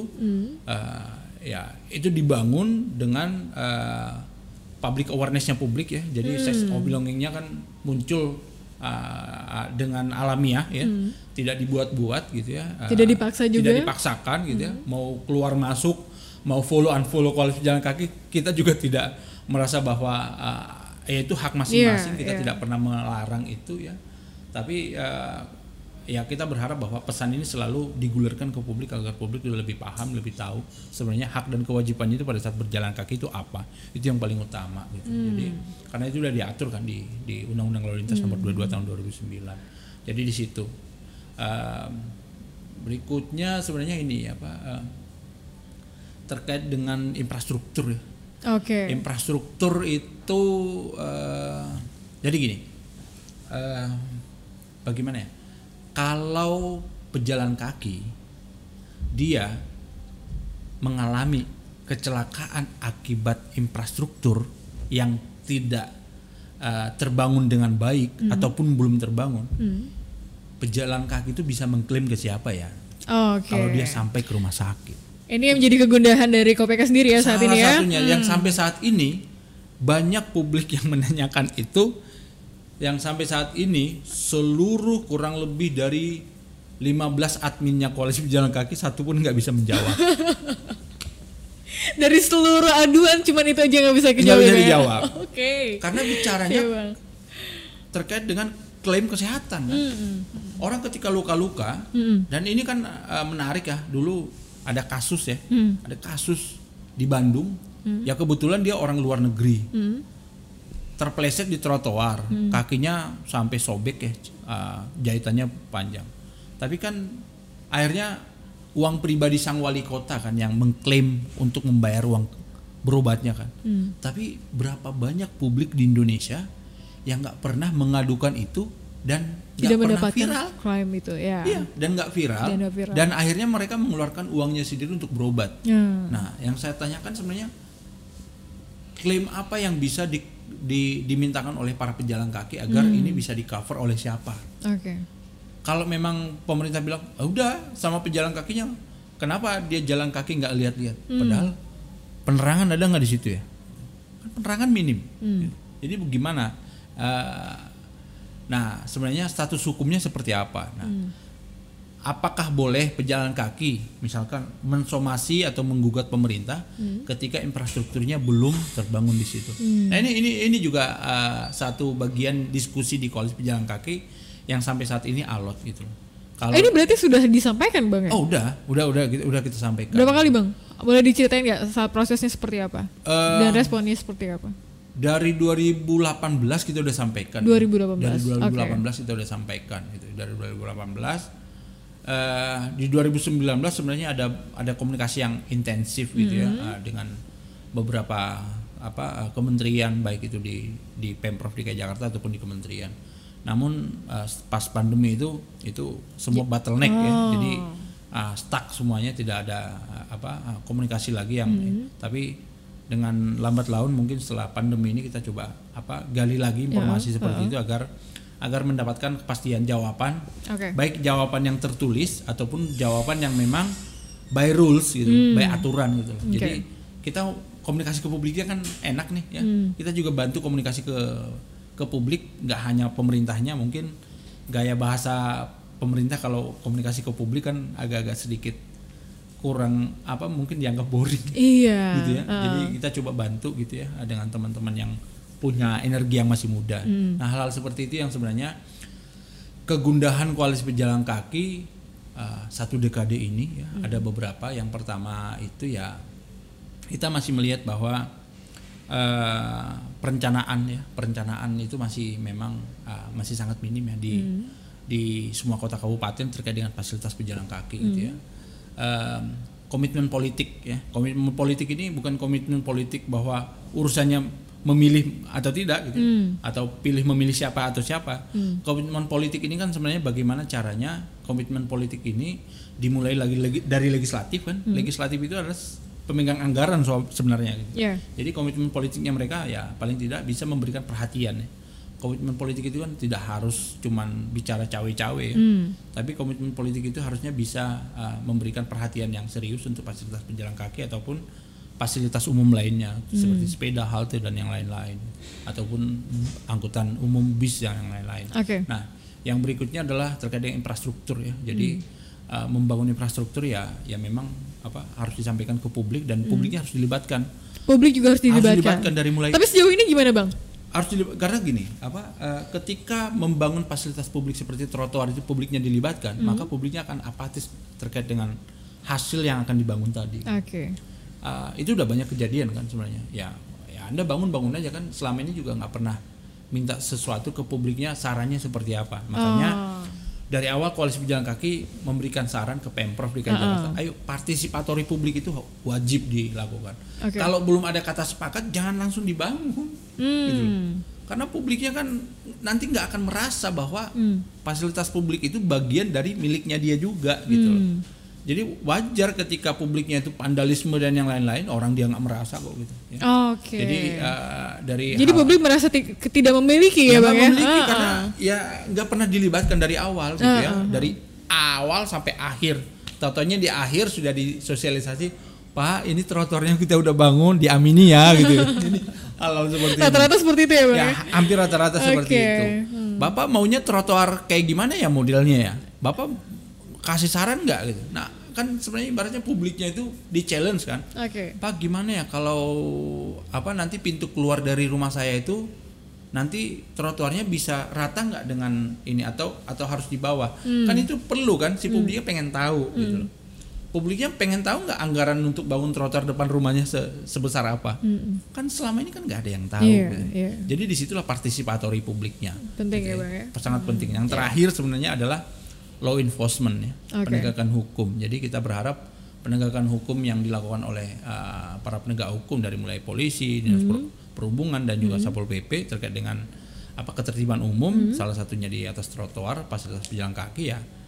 Ya itu bagian dari uh, pembelajaran juga efek jerak ya agar agar bisa meminimalisir uh, risiko angka kecelakaan bagi para pejalan kaki. Jadi di situ yang sebenarnya mau disampaikan oleh teman-teman di koalisi pejalan kaki agar bisa menurunkan angka kematian para pejalan kaki di mana di Indonesia itu kan masih dulu masih 18 pejalan kaki ya uh, sekitar 2012-an ya. 2012, 2012-an oke. itu datanya gitu ya.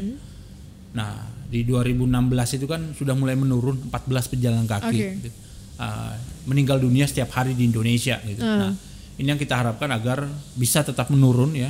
Kalau bisa ya uh, sampai tidak ada yang meninggal dunia pejalan Kalau kaki. bisa tidak ada yang Tidak ada meninggal yang dunia. meninggal, Tapi, tapi- setiap hari sampai saat ini masih ya bang ya? masih Masih masih ya? masih, Oh, oke. masih ya Eh, bahkan kecelakaan bagi pejalan kaki pada saat pandemi kemarin itu Heeh.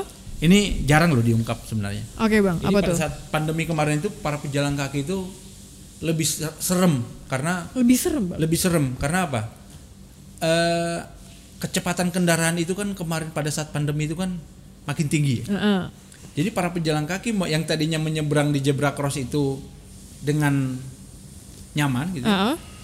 Nah, s- pada saat pandemi Heeh. itu dengan kecepatan rata-rata di atas 30 km per jam, para Heeh. pejalan kaki itu mendapatkan intimidasi ya. Karena apa? Intimidasi. Ya intimi- Oke. karena gini, kan orang melihat zebra cross itu seakan-akan cuma hanya bagian pelengkap yang memang yang nggak perlu dipatuhi kan sebenarnya. Ya, banyak publik yang berpikir seperti itu. Pada saat pandemi kemarin teman-teman pejalan kaki bilang itu kendaraan itu udah kayak anak peluru yang ditembakkan gitu ya. Iya iya iya. Karena karena jalanan kosong. Heeh. Selama ini kan macet Jakarta, Hmm. pada saat pandemi kan enggak. Jadi seakan-akan kendaraan itu pengennya kenceng terus-terusan gitu. Jadi eh, teman-teman bahkan bilang bahwa ya ya diserempet motor pada saat mau nyebrang dan yang lain itu itu cukup tinggi Padahal tuh di posisi yang lampu tuh lampu merah Iya, ya bang ya. iya. Saat saat Tapi kan para pengendara melihatnya bahwa ini ada hanya pelengkap aja lah gitu ya ibaratnya ya bang ya. apa seakan-akan ada angin segar baru Heeh. yang mereka lihat bahwa ini Jakarta ini jarang melihat seperti ini yang nggak macet gitu. Nah, Jadi ke mana-mana itu karena udah keseringan pengen buru-buru, ya jalanan lengang pun pengennya buru-buru juga gitu. bener bang kayak peluru itu ya. Heeh.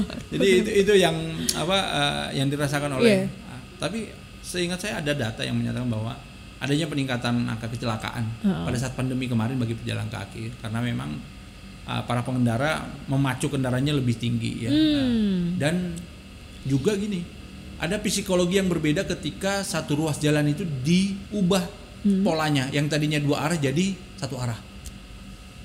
Itu sangat-sangat menyulitkan para pejalan kaki terutama lansia, ibu hamil Hmm. ataupun ibu-ibu yang pakai stroller. Itu terjadi di kayak di ini aja, yang di kawasan Istana Bogor itu. Ya. Kan itu satu arah ya. Heeh. Itu Yang ada, istana itu ya bang ya. ada ada zebra cross tapi pejalan kaki susah. Iya Karena apa? iya. karena para pengendara itu seakan-akan itu jadi bagian dari Grand Prix-nya MotoGP gitu. Oke. Pengen pengennya balapan aja di situ Hmm, karena apa? Mereka kan dibuat satu arah. Kalau dulu kan dia dua arah ya. Hmm.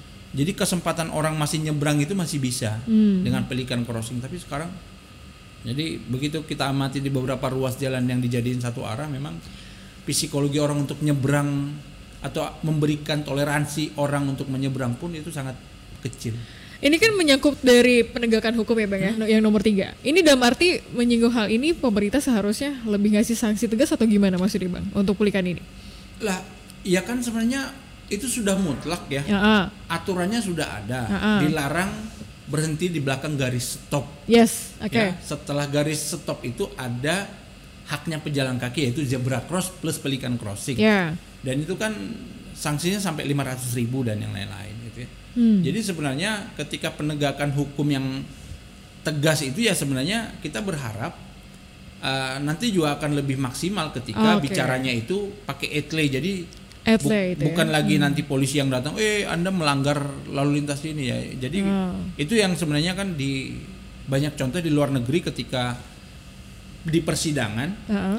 si pelanggar lalu lintas ini membantah Heeh. kesalahannya dia, tapi dengan adanya alat satu alat petunjuk bukti Heeh. itu menyatakan bahwa dia yang melanggar tertib lalu lintas ya di situ sebenarnya. gitu. Jadi Oke. tidak bisa lagi disanggah gitu. Mm-mm. Nah, ketika bicara sanksinya itu harus lebih tegas dan dan mahal, Mm-mm. ya ya kalau denda maksimal apakah membuat efek jerah? Kalau masih membuat efek jerah berarti ah, itu bisa bagian dari edukasi. Tapi kan publik kita selama ini bayar 501 juta pun ah nggak apa-apa melanggar lagi besok. gitu. Nah. Jadi nah di situ sebenarnya. Jadi Jadi nggak ada efeknya jerahnya ya Nah, bang ya.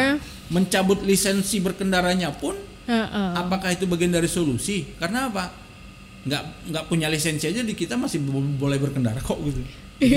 Nah, hal-hal seperti itu yang sebenarnya di di di awal saya sampaikan bahwa Heeh. untuk uh, mendapatkan lisensi berkendara ini apakah memang kita sudah benar Iya. menerapkan aturan seperti itu. Hmm. Apakah segampang itu gitu ya? Bahkan aturannya mendapatkan lisensi berkendara pun ya hanya meliuk-liuk pada saat ngetes saja udah jadi kan. Heeh. SIM-nya udah jadi. gitu.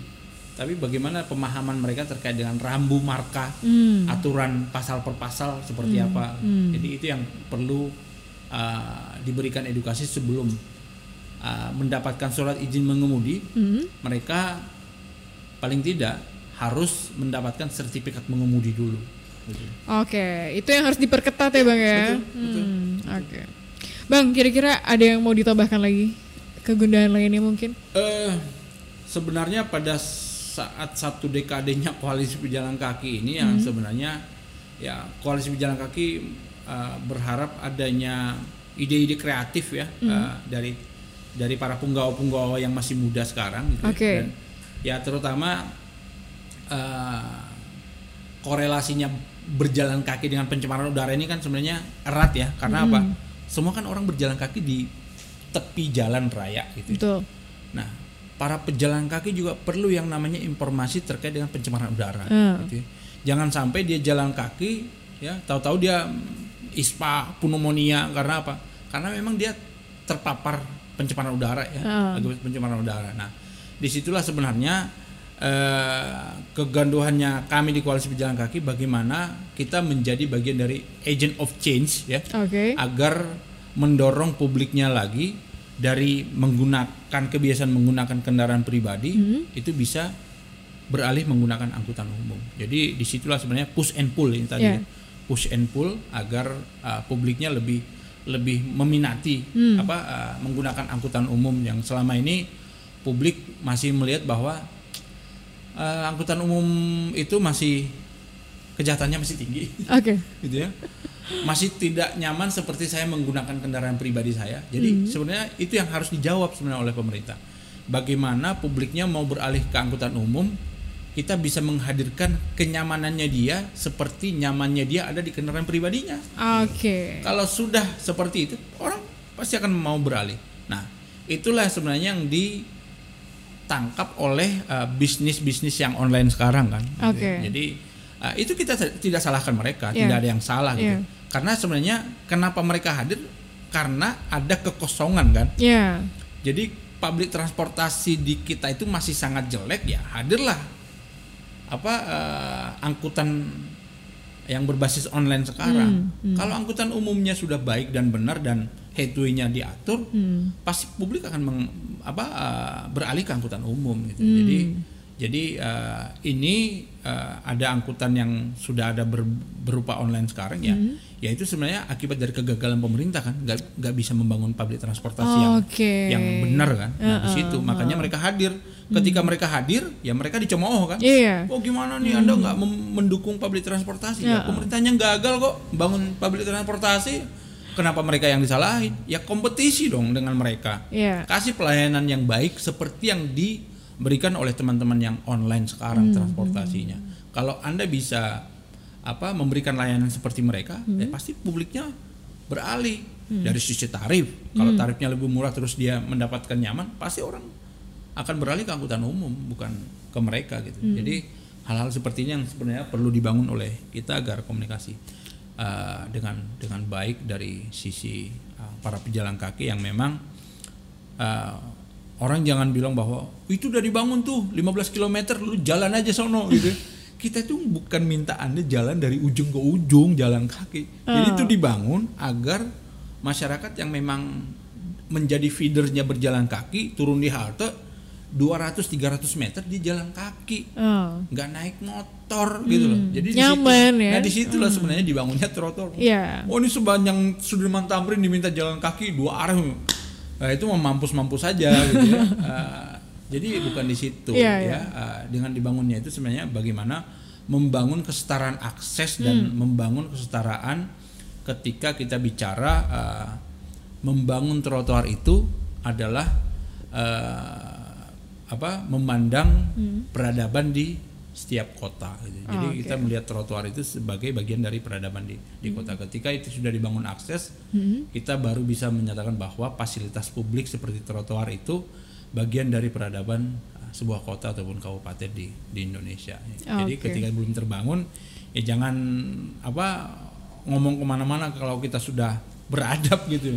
Padahal itu fasilitas buat manusianya. Ah. Kalau kendaraan itu kan privilege masing-masing Betul, ya. betul. Tapi kalau fasilitas publik seperti trotoar, halte, bis dan itu kan bagian yang bisa dipakai rame-rame oleh Hmm, si publiknya dan dan itu harus dibangun dengan seramah mungkin gitu. Hmm, oke. Bang ini khusus 10 dekade eh satu dekade ya. Hmm. 10 tahun dari Kopeka. Nah, ini bakal ada gelaran apa sih Bang kalau boleh tahu nih? Dan Hmm. untuk orang-orang yang pengen gabung un- di Kopeka sendiri itu seperti apa, Bang?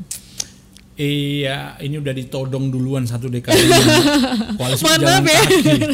Padahal masih ada sebulan, jadi Oke. uh, saya kasih apa clue-nya aja Boleh, ya. beberapa. boleh, Bang. Oh. Jadi sebenarnya gini, yang paling uh, di satu dekadenya koalisi pejalan kaki sebenarnya kita mau flashback ke belakang sebenarnya Oke. uh, seperti apa kehadirannya teman-teman di koalisi pejalan kaki misalkan Kopeka Medan. Kopeka Bogor. Kopeka Bandung, Kopeka Surabaya, Kopeka Kalimantan Selatan ya, Uh, dan juga di Lampung, di Malang Hmm. ya, uh, di apa uh, di mana lagi ya? saya malah lupa nih. Ada ada di Garut juga. Garut juga ada Bang, ada ya? koalisi pejalan kaki. Jadi kita apa mau flashback sebenarnya apa apa saja sih sebenarnya kegiatan teman-teman yang sudah dilakukan di sana seperti apa uh, apa uh, pola-pola komunikasinya teman-teman di sana itu ba- itu salah satu rangkaiannya kita akan buatkan di apa uh, apa uh, mungkin nanti apa uh, April bisa tuh ya uh, Iya.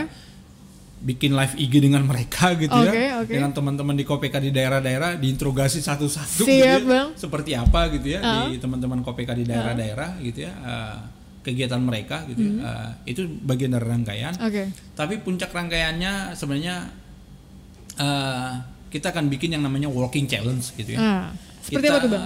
Kita mau melihat seberapa sering publiknya di kita itu Hmm. setelah dibangun fasilitasnya itu mereka berjalan kaki. gitu. Oke. Tapi jangan melihat nanti hadiahnya apa, Hmm. tapi bagaimana kemauan teman-teman setelah habis lebaran nanti Hmm.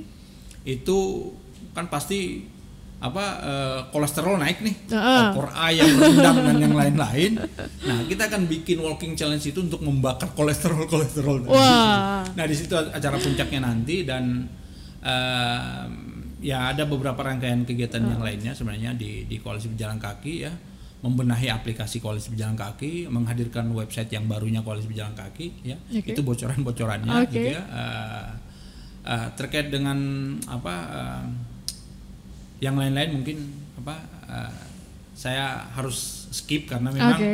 teman-teman jangan disampaikan iya, iya. semuanya tapi Siap, Bang. intinya sebenarnya ah. itu rangkaiannya Ah, ya ah. Eh, rangkaian-rangkaian kegiatan di satu dekadenya koalisi pejalan kaki ya Hmm, itu sebenarnya bukan satu apa eh, kita melihat bahwa ini kita sudah satu dekade bukan Oke. tapi tetap dari di, di koridor yang memang kita bisa melakukan kegiatan itu yang memang tetap edukasinya lebih dikedepankan untuk mengkampanyekan uh, hak dan ruang para pejalan kaki ya agar tetap terproteksi gitu ya di di di di trotoar di zebra cross gitu ya dan juga di di JPO karena memang itu adalah ruang-ruang fasilitasnya para pejalan kaki yang memang sampai saat ini itu belum ramah ya masih jauh dari kata ramah Masih juga jauh ya, Bang, masih ya? jauh dari kata Hmm. layak gitu masih jauh dari kata ideal Hmm. jadi itu yang sebenarnya kita mau bilang bahwa uh, koalisi pejalan kaki mari kita rebut kembali makanya disebutkan uh, koalisi pejalan kaki ya misinya itu kan Iya. merebut kembali hak-hak peja- para pejalan kakinya di di situlah sebenarnya uh, uh, kita mau merebut kembali apa mereklaim kembali uh, apa haknya para pejalan Wah, kaki yang luar biasa. tadinya di, di Aku merinding nih bang, seberjuang itu loh, aku luar biasa banget. ya ya sebenarnya tapi Iya. ini kan apa ya komitmennya itu Iya. jangan sampai uh, melupakan pekerjaan teman-teman Ya, yang uh, ini uh. jadi kalau teman-teman ya ini kan hanya komunitas ya Ya, uh. jadi ya pekerjaan utamanya jangan ditinggalin Iya, jadi iya. jangan karena kasihkan di komunitas ini Ya. akhirnya pekerjaan utamanya itu di kantor masing-masing akhirnya jadi acak-acakan Ah, Oke. Hmm. jadi komitmennya di sini ya tetap menjadi komitmen tapi pekerjaan utamanya tetap di menjadi apa bagian utama yang harus di- diselesaikan oleh teman-teman di koalisi pejalan kaki. Oh, Oke, Bang satu pertanyaan lagi nih. Di setiap eh, ending podcast Warna Indonesia itu kita selalu memberikan pertanyaan kepada narasumber yaitu seperti apa harapan enam tahun ke depan? Ini akan menjadi apa ya janji mungkin? Apakah ini akan tercapai apa enggak mungkin dalam enam tahun ke depan? Itu seperti apa? Entah itu dari segi KPK-nya sendiri ataupun dari pribadi. Mas Alfred itu seperti apa? Kalau Ya, bicara harapan ya, oke. harapan itu ya karena selalu teman-teman di koalisi pejalan kaki itu mau bicara harapan itu selalu berangan-angan gitu. Oke. karena karena berharap terus kan berharap. Ini ini nanti akan seperti ini enggak ya? Ini akan seperti ini enggak ya? Gitu. Ya sebenarnya harapannya nggak muluk-muluk ya. Sebenarnya eh, harapan di koalisi pejalan kaki lagi-lagi kita bicara bahwa ada pemenuhan ya pemenuhan eh, fasilitas ya. Fasilitas yang memang kita berharap ini ada target Hmm. setiap daerah-daerah gitu ya. Jadi uh, target yang memang sudah di seperti apa yang sudah di declare oleh setiap daerah Oke. itu paling tidak uh, harapan kami ya dari koalisi pejalan kaki itu dijalankan setiap tahunnya seperti apa. Itu harapannya gitu ya. Jadi harapannya kami yang kedua adalah bagaimana uh, penegakan hukum di kita itu ya tidak musiman Mm-mm. ya. Tidak musiman? Tidak musiman penegakan hukumnya Ah, tapi setiap musim ada gitu. Hmm. Jadi beda kan musiman sama setiap musim penegakan hukumnya tetap ada gitu. Mau musim hujan, ah. mau musim kemarau, mau musim apa gitu. ya, Penegakan hukumnya kita tetap ada. Hmm. Hadir untuk memproteksi uh, para pejalan kaki. Hmm. Jadi jadi di situ dan dan uh, dan teman-teman di koalisi pejalan kaki belum berharap koalisi pejalan kaki ini menjadi lembaga. Oh iya bang, Belum berharap kenapa bang? Ah, terlalu kaku. Terlalu kaku? Terlalu kaku dan terlalu banyak teman-teman bilang terlalu banyak ah, apa eh, apa namanya? eh apa namanya itu ah, apa ya kalau sebutannya teman-teman itu.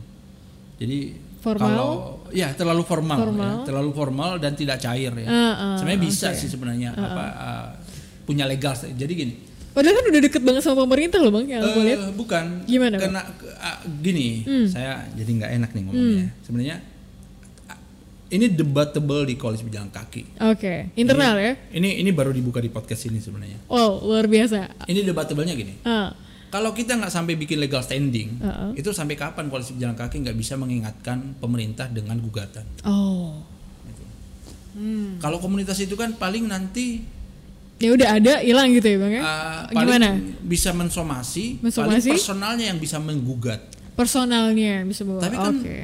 kalau bicara legal standing, lembaganya kan yang menggugat. Oh, oke. Kan itu kan. Ah, Gitu. ah, ah. Jadi ketika kita mendaftarkan di Kumham dan yang lain-lain sudah punya legal standing, Iya. misalkan apa yayasan pejalan kaki, gitu ah, ya. misalnya ya bang. entah perkumpulan pejalan kaki kan, Ah, ah. kan itu kan sebutannya di di Kumham itu. Hmm. Jadi eh, sampai kapan seperti cair seperti ini, Hmm. tidak rapih barisannya, Hmm.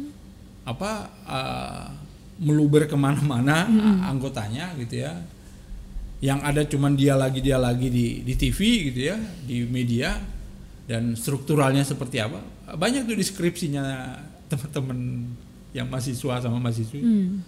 ini strukturnya koalisi pejalan kaki gimana sih karena hierarkinya mereka mau mi- Tapi emang abang ini emang gak mau jadi ini ya? Ah, bukan Ah, bukan nggak mau gitu loh apa eh, ini kan berat ya bicara sebuah lembaga Oke. harus cari funding pendanaan Oh, dan yang lain-lain oke. gitu ya Hmm. sebenarnya koalisi pejalan kaki yang nggak muluk-muluk bukan yang nggak perlu dana untuk tetap apa menggerakkan apa komunitas ini Hmm. ya, tapi kan ya ada aja teman-teman dari komunitas koalisi pejalan kaki yang lain anggota-anggotanya gitu ya Hmm.